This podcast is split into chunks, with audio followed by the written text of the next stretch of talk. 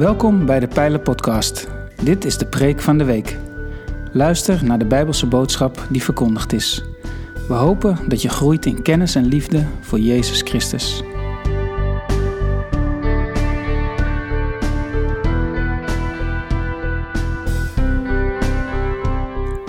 In juli en augustus werken we in de Pijler traditioneel met een zomerpreekrooster. Er zijn geen preekseries. Elke dienst staat op zichzelf. In de beschrijving van elke podcast kun je vinden wie er heeft gepreekt en uit welk Bijbelgedeelte. Goedemorgen. Heeft u ook wel eens dat iets gebeurt wat zo toevallig is dat het gewoon niet toevallig kan zijn? Ehm, dat, het, dat het wel iets van God moet zijn. En vaak is dat helemaal niet iets heel groots, maar juist iets kleins. Ik had bijvoorbeeld laatst, een aantal weken geleden, uh, zou ik gaan preken die zondag. En de avond daarvoor ging ik mijn dochter ophalen van de jeugdavond hier. Uh, en toen stapelden zich ook van dat soort toevalligheden bij elkaar op. Um, ten eerste liep haar jeugdavond uit, dus ik moest uh, op haar wachten. Ik was mijn jas vergeten en het was echt net even te koud om buiten te staan wachten. Dus ik blijf in de auto zitten. Nu had ik precies die avond een andere auto mee dan normaal. En ik ging eens met die radio spelen. En toen zag ik dat er uh, groot nieuwsradio was ingeprogrammeerd. Dus ik zet die op. En welk nummer wordt precies op dat moment gespeeld? Het nummer dat ik had uitgekozen om die zondag na, na mijn preek te gaan zingen met elkaar. En ja, dat kan toevallig zijn. Maar voor mij was het een bevestiging. God is erbij. En soms hebben we van die kleine dingen nodig, nauwelijks waarneembaar, om ons eraan te helpen herinneren dat God erbij is. Zelfs als zou je werk gebrekkig zijn, of zie je geen resultaat van wat je allemaal doet, dan nog is God erbij. Hij is aan het werk. En dat is ook zo bij Elia. En vandaag wil ik graag met u hebben over Elia, over zijn leven. Ik zal één verhaal gaan we samen met elkaar lezen. En dan wil ik graag twee kanten van Elia's leven met u bespreken. Wat hij daar meemaakt en ook een kant van Elia waar we het niet zo vaak met elkaar over hebben. Laten we samen met elkaar lezen 2 Koningen 19, nee, 1 Koningen 19, vers 1 tot 18. Koning Agab, oh, en voordat ik begin, ik zal even vertellen waarin het verhaal zich plaatsvindt. Hiervoor heeft uh, Elia een prachtig wonder meegemaakt. En u kent dat verhaal waarschijnlijk wel. Het speelt zich af op de berg Karmel. Dan gaat Elia in een soort battle het opnemen tegen de Baalpriesters. En koning Agab die zit daarvoor om het allemaal te aanschouwen. En dan hebben de Baalpriesters hun altaar gebouwd. Elia heeft zijn altaar gebouwd. En beide gaan ze aan God vragen, aan hun goden, zeg maar, om die altaren in brand te steken. En eerst zijn die Baalpriesters aan de beurt. En die dansen rondom dat altaar en roepen de god Baal aan. Maar het blijft stil aan de kant van Baal. En dan is Elia aan de beurt. En hij laat eerst nog drie grote kruiken water over dat altaar uitgieten. En dan vraagt hij God om vuur uit de hemel te laten neerdalen op dat altaar. En dat gebeurt. Het wordt zelfs zo heet dat het hele altaar verbrandt en zelfs het water dat de grond in is gecijpeld verdampt. De God van Israël heeft gewonnen. En daar begint ons verhaal. Koning Agab vertelde koningin Izebel alles wat Elia had gedaan. Ook dat hij al die profeten ter dood had gebracht. Toen liet Izebel Elia de volgende op boodschap overbrengen. De goden mogen met mij doen wat ze willen als u morgen om deze tijd niet hetzelfde lot ondergaat als zij. Elia werd bang en vluchtte om zijn leven te redden.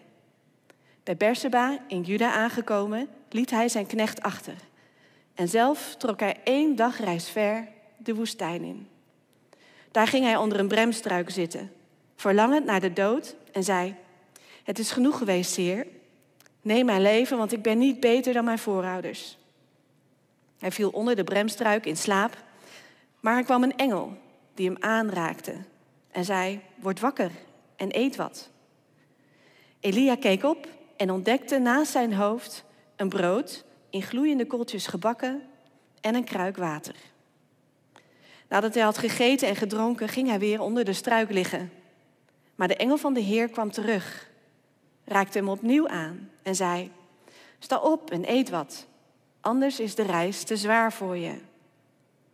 Elia stond op en toen hij had gegeten en gedronken, liep hij gesterkt door dit voedsel 40 dagen en 40 nachten door de woestijn, tot hij bij de berg Horeb kwam, de berg van God.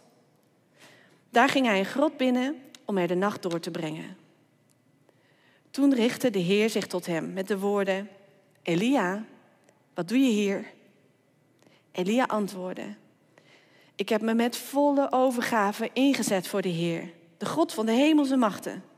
Maar de Israëlieten hebben uw verbond met hen na zich neergelegd, uw altaren verwoest en uw profeten gedood. Ik ben als enige overgebleven en nu hebben ze het ook op mijn leven voorzien. Kom naar buiten, zei de Heer, en treed hier op de berg voor mij aan. En daar kwam de Heer voorbij. Er ging een grote, krachtige windvlaag voor de Heer uit, die de bergen spleet en de rotsen aan stukken sloeg. Maar de Heer bevond zich niet in die windvlaag. Na de windvlaag kwam er een aardbeving, maar de Heer bevond zich niet in die aardbeving. Na de aardbeving was er vuur, maar de Heer bevond zich niet in dat vuur. Na dat vuur klonk er het gefluister van een zachte bries. Toen Elia dat hoorde, sloeg hij zijn mantel voor zijn gezicht. Hij kwam naar buiten en ging in de opening van de grot staan. En daar klonk een stem die tot hem sprak. Elia, wat doe je hier? Elia antwoordde, ik heb me met volle overgave ingezet voor de Heer, de God van de hemelse machten. Maar de Israëlieten hebben uw verbond met hen naast zich neergelegd, uw altaren verwoest en uw profeten vermoord. Ik ben als enige overgebleven en nu hebben ze het ook op mijn leven voorzien. De Heer zei tegen Elia, keer terug en ga naar de woestijn van Damascus. Daar aangekomen moet je Hazael tot koning van Aram zalven. Jehu, de zoon van Nimsi, moet je zalven tot koning van Israël. En Elisa, de zoon van Safat, uit Abel Mechola, moet je tot je eigen opvolger zalven.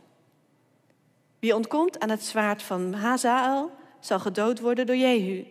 En wie ontkomt aan het zwaard van Jehu, zal gedood worden door Elisa.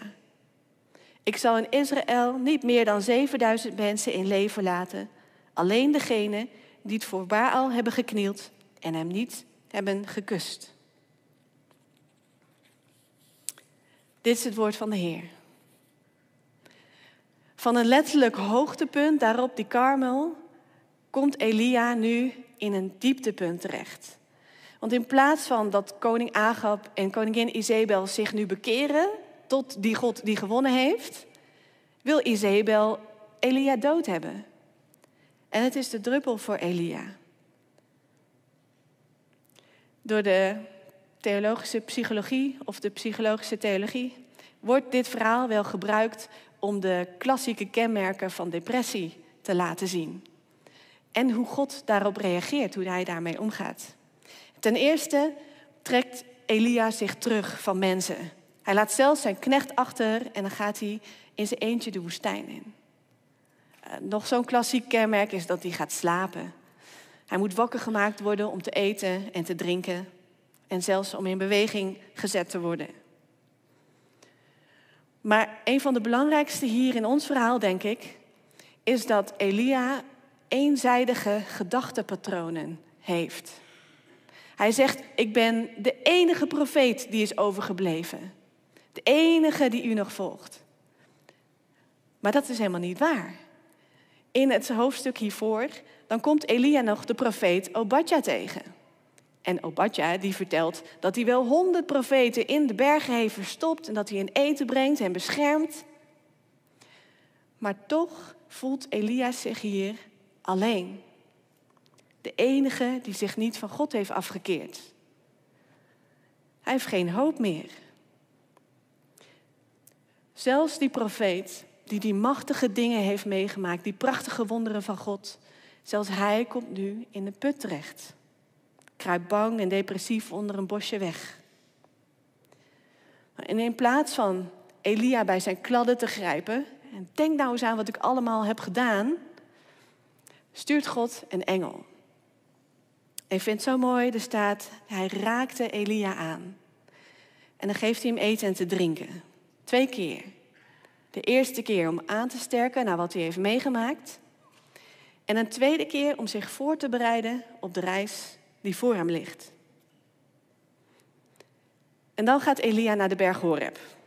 Waarom Horeb? De, deze berg wordt ook wel de berg Sinaï genoemd. Het is de berg waar God voor het eerst met het volk Israël sprak. Waarop die Mozes de tien geboden gaf en waarop Mozes de achterkant van God mocht zien. En op deze berg vraagt God aan Elia: Elia, wat doe je hier? En misschien is het enerzijds een vermaning. Elia, wat doe je hier? Je moet bij de Israëlieten zijn en je ambt als profeet uitvoeren. Maar ik denk dat het ook vooral een open vraag is voor Elia. Om zijn hart eens uit te storten. Om te vertellen wat er nu in hem gebeurt. Want dat heeft als resultaat dat die eenzijdige gedachtenpatronen bloot op tafel komen te liggen. En dan kan God daar wat mee gaan doen. Maar eerst laat God zichzelf zien. Dan komt die grote windvlaag, die aardbeving, dat vuur. Maar staat er, God bevond zich daar niet in. En dan is het gefluister van een zachte bries. Dat is een heel poëtisch zinnetje, ook moeilijk te vertalen. Sommige mensen zeggen het is een stem in de stilte. Nauwelijks waar te nemen. En als Elia dat hoort, dan weet hij, God is hierin. Is God dan niet in die wind, in die aardbeving, in dat vuur? Want toen God voor het eerst met Israël sprak, toen ging dat gepaard met enorme trillingen van de berg, met bliksem, met donder. Daar was God. Maar nu, op dit punt van zijn leven, ziet Elia daar opeens God niet meer in. Maar als dan die zachte bries, die stem in de stilte komt, dan herkent hij God. En dat kan ons ook overkomen. Kijk, ten opzichte van Elia hebben wij een unieke positie. Jezus is gekomen en hij heeft ons het allerduidelijkst God laten zien. Wie hij is, hoe hij naar mensen kijkt. Maar ook wij ervaren God niet altijd. En als je God niet kunt zien in de grote dingen in het leven, zoek dan naar die zachte stem in de stilte. Nadat God zichzelf aan Elia heeft laten zien, stelt hij weer de vraag: Elia, wat doe je hier? En Elia is nog geen stap verder. Hij haalt letterlijk de woorden die hij eerder heeft geantwoord op die vraag. En dan geeft God hem een duidelijke opdracht. En dat is wat Elia nodig heeft om weer op gang te komen. God zegt: ga terug. Ga weer aan het werk als profeet in Israël. Salf Hazael en Jehu tot koning en Elisa tot je opvolger. En dan zet God waarheid tegenover die gedachtepatronen bij Elia. Hij zegt, er zijn wel 7000 man in Israël die niet voor Baal hebben geknield. Ik denk niet dat we 7000 als een exact historisch getal moeten lezen hier, maar meer het symbolische zeven keer duizend. Elia is niet alleen in zijn vertrouwen op God. Er is hoop en Elia moet aan die toekomst werken. En nee, niet alles is nu opgelost, maar Elia heeft weer voldoende kracht om aan het werk te gaan. In ons leven en ook in de kerk kan ons deze dingen ook overkomen. Onze verwachtingen worden geen realiteit. We raken teleurgesteld in mensen of misschien in ons werk of dat we geen resultaten zien van iets waar we ons zo voor hebben ingezet? Of wanneer ziekte ons leven overneemt? Als je zoiets bij jezelf of bij iemand in je omgeving bemerkt, dan kan het voor die persoon helpen om zich tijdelijk terug te trekken. Om even wat afstand van de situatie te nemen en weer eerlijk naar die situatie te gaan kijken. Die gedachtepatronen te ontmaskeren. Maar na een tijdje is het ook weer zaak om terug aan het werk te gaan. Om de gaven die God u, jou heeft gegeven, de talenten, weer in te zetten in zijn koninkrijk. En er dan op te vertrouwen dat hij aan het werk is. Tot zover deze kant van Elia's leven. Want Elia was niet alleen een grote profeet die in de put raakte en daar weer ook uit moest komen. Er zitten ook heel wat kanten aan zijn leven die schuren. Is het u bijvoorbeeld opgevallen dat na dat grote wonder op de Karmel, dat Elia al die Baal-profeten laat doden? Als ik dat lees, dan denk ik, moet dat nou? Zoveel geweld. En moesten die Baal-profeten dan ook niet de kans krijgen om zich nu tot God te bekeren? En in plaats daarvan doodt hij ze gewoon allemaal. Moeten zij geen tweede kans krijgen? Of is dat naïef gedacht van mij? Misschien, maar er is veel geweld in het Oude Testament waarin God er toch heel anders uitziet dan op andere plekken in de Bijbel. En hoe moeten we dat nou met elkaar uh, in orde brengen? Nou, daar is heel veel over te zeggen natuurlijk. En ik heb nog een paar minuten. Uh, maar om daar nou helemaal niks over te zeggen, vond ik ook niet eerlijk. Dus ik wil u graag één principe meegeven over hoe je daarmee om kan gaan. En dat dan uitwerken in Elia's leven.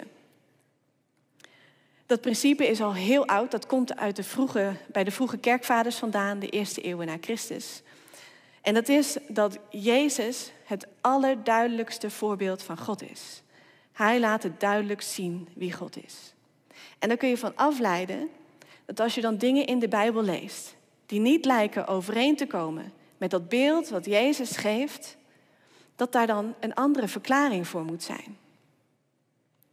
Maar je mag altijd blijven vasthouden aan dat beeld wat Jezus laat zien. Want Hij toont God het allerbeste. Die, massamoord na dat wonder op de Karmel, daarvan is het heel moeilijk om te zeggen van, ja, wat vond God daar nou van? Er staan maar een paar zinnetjes over in de Bijbel, dus dat is lastig. Maar vlak voor het einde van Elia's leven doet hij nog een keer zoiets en daar is iets meer over te zeggen. In 2 Koningen 1 is er een nieuwe koning aan de macht, koning Agasha, en hij is uit het raam van zijn paleis naar beneden gevallen. Hij is zwaar gewond en hij wil graag weten of hij dit gaat overleven. dan stuurt hij een aantal knechten op weg om een afgod te gaan raadplegen. En een van de ergste dingen die je kunt doen, volgens het Oude Testament, is naar een afgod gaan in plaats van naar God. Elia, die onderschept die knechten en die stuurt ze terug naar de koning met de boodschap: Omdat u naar een afgod bent gegaan in plaats van de God van Israël, zult u nu voorzeker sterven. Nou, die koning laat het daar niet bij zitten. Die stuurt een bevelhebber met 50 soldaten naar Elia toe. Als Elia hen ziet, dan laat hij vuur uit de hemel komen en hij vernietigt al die soldaten. Een tweede keer laat die koning een bevelhebber met 50 soldaten naar Elia toe gaan. En een tweede keer roept Elia vuur uit de hemel om al die soldaten te verteren. Een derde keer stuurt de koning, die bevelhebber, een bevelhebber met 50 soldaten. En dan grijpt God in. Dan stuurt hij een engel. En die engel die zegt tegen Elia: Je hoeft niet bang te zijn voor de koning. Want dat zat erachter. En dan gaat Elia mee met die soldaten naar de koning. Geeft hij nog een keer persoonlijk die boodschap. En inderdaad, de koning sterft precies zoals Elia had geprofiteerd. Nu, omdat die engel ingrijpt, denk ik al van, nou, volgens mij gebeurt hier niet iets wat God niet helemaal mee eens is. Er is nog een aanwijzing in de Bijbel. in het Nieuwe Testament. Als u het na wil lezen, in Lucas 9, vers 51 tot 56, dan is Jezus in een Samaritaans dorpje is hij niet welkom. En dan stellen zijn discipelen voor om vuur uit de hemel te laten nederdalen om dat dorpje met haar inwoners te verteren. En wat doet Jezus dan? Hij draait zich om naar zijn discipelen en wijst hen streng terecht. Hij is het daar niet mee eens. En als je kijkt naar Jezus' bediening, dan is ook zijn hele bediening erop gericht om mensenlevens te redden. En niet om te straffen met de dood. Nou, deze combinatie van dit markante spiegelverhaal met het feit dat God zelf ingrijpt met die engel in het Oude Testament, doet mij denken dat Elia hier en daar te ver gaat. Dat hij dingen doet waar God het niet mee eens is. Vlak hierna wordt Elia ook opgenomen in de hemel. Misschien wel om te voorkomen dat hij nog een keer zo uit de band vliegt. Misschien bent u het met mij oneens met deze uitleg. En dat kan en het is oké. Want geweld, hoe we hier met deze teksten omgaan in de Bijbel, dat behoort niet tot de kern van ons geloof, maar een van die randzaken waarover we van mening kunnen verschillen. Misschien vindt u wel heel veel troost in het blind volgen zonder vragen te stellen aan God. En dan is dat ook iets heel moois. Maar als u, net als ik, worstelt met dat soort vragen, dan kan dit principe van Jezus als duidelijkste voorbeeld van God kan je helpen om enerzijds de Bijbel heel serieus te blijven nemen en anderzijds God te blijven zien als liefdevol, als rechtvaardig en als vredevorst. Nu, met dit hele verhaal in het achterhoofd, denk ik dat ons moment op de Horeb, waar God zich aan Elia laat zien, dat het ook een soort resetmoment is. Een herijking. Een moment waarop Elia opnieuw kan afstemmen op God, op wie hij nou werkelijk is en waar het nou echt om gaat. En dat gaat dan een tijdje goed, maar dan in 2 Koningen 1 valt Elia in dezelfde valkuil. Hij is bang voor de machthebber op dat moment. En hij gebruikt dan de kracht die hij van God gekregen heeft om overwicht te krijgen. Gebeurt dat ook niet vaak in ons leven en in de kerk? Dat dingen niet verlopen zoals we verwachten en dat we dan onze macht, onze positie of soms zelfs de Bijbel gebruiken om de boel te forceren. Om gedaan te krijgen wat wij graag willen dat er gebeurt op dat moment. En zo zijn veel kerkleiders overspannen geraakt en nog veel meer mensen gekwetst. Wij mogen meenemen uit dit verhaal van Elia dat we mogen blijven vertrouwen op God. En het niet zelf moeten gaan forceren. Stilte bij Baal, stilte in de wereld, is niet hetzelfde als stilte bij God. Bij Baal bleef het stil omdat hij een afgod van steen was. Daar zat geen kracht in. Maar als het stil is bij God, dan is hij juist aan het werk. God sluimert nog slaapt.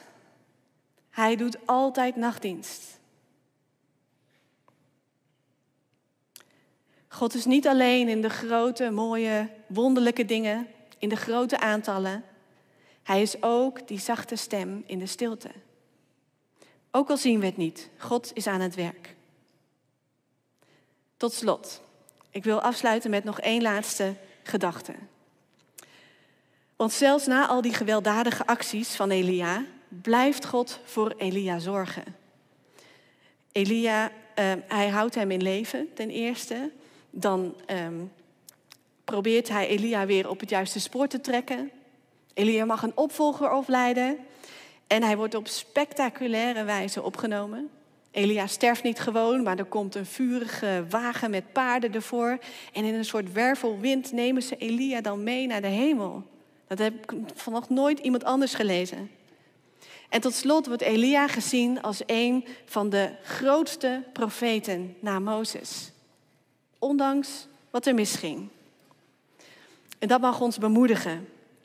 Dat wanneer wij lamgeslagen zijn omdat het niet gaat zoals we hadden gehoopt of verwacht, wanneer ons vertrouwen op God uh, niet zo groot is, wat flakkert, zelfs wanneer we het helemaal verpesten en zonder goed God de boel gaan forceren, dan nog is God daar. Hij blijft je naar zich toe trekken.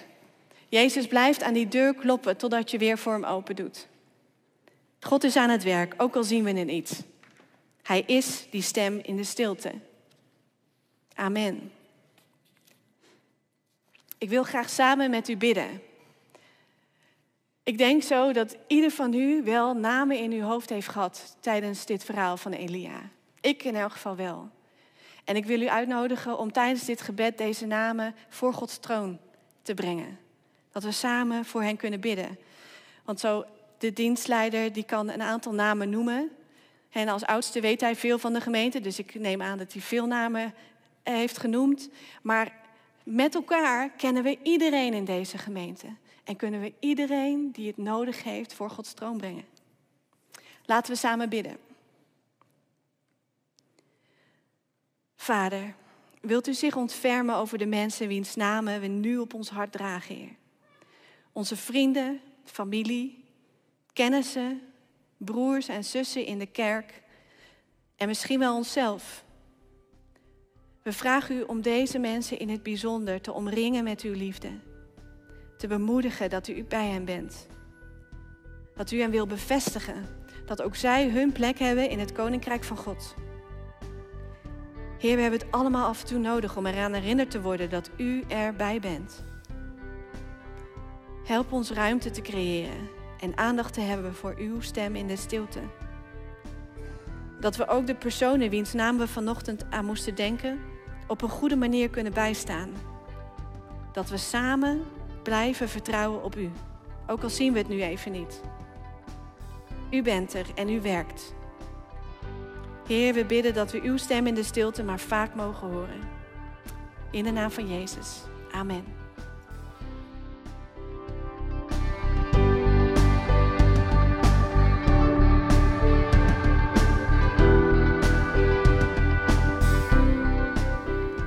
Bedankt voor het luisteren naar deze aflevering van de Pijlen Podcast, Preek van de Week. Heb je vragen naar aanleiding van deze preek? Stel ze. Dat kan via een e-mail naar onderwijs.pijler.nl. We helpen je graag verder in je groei als leerling van Jezus Christus. Abonneer je op deze podcast, zodat je altijd op de hoogte blijft van het onderwijs uit de Pijler. Goede week gewenst, ga in vrede, want God is nabij.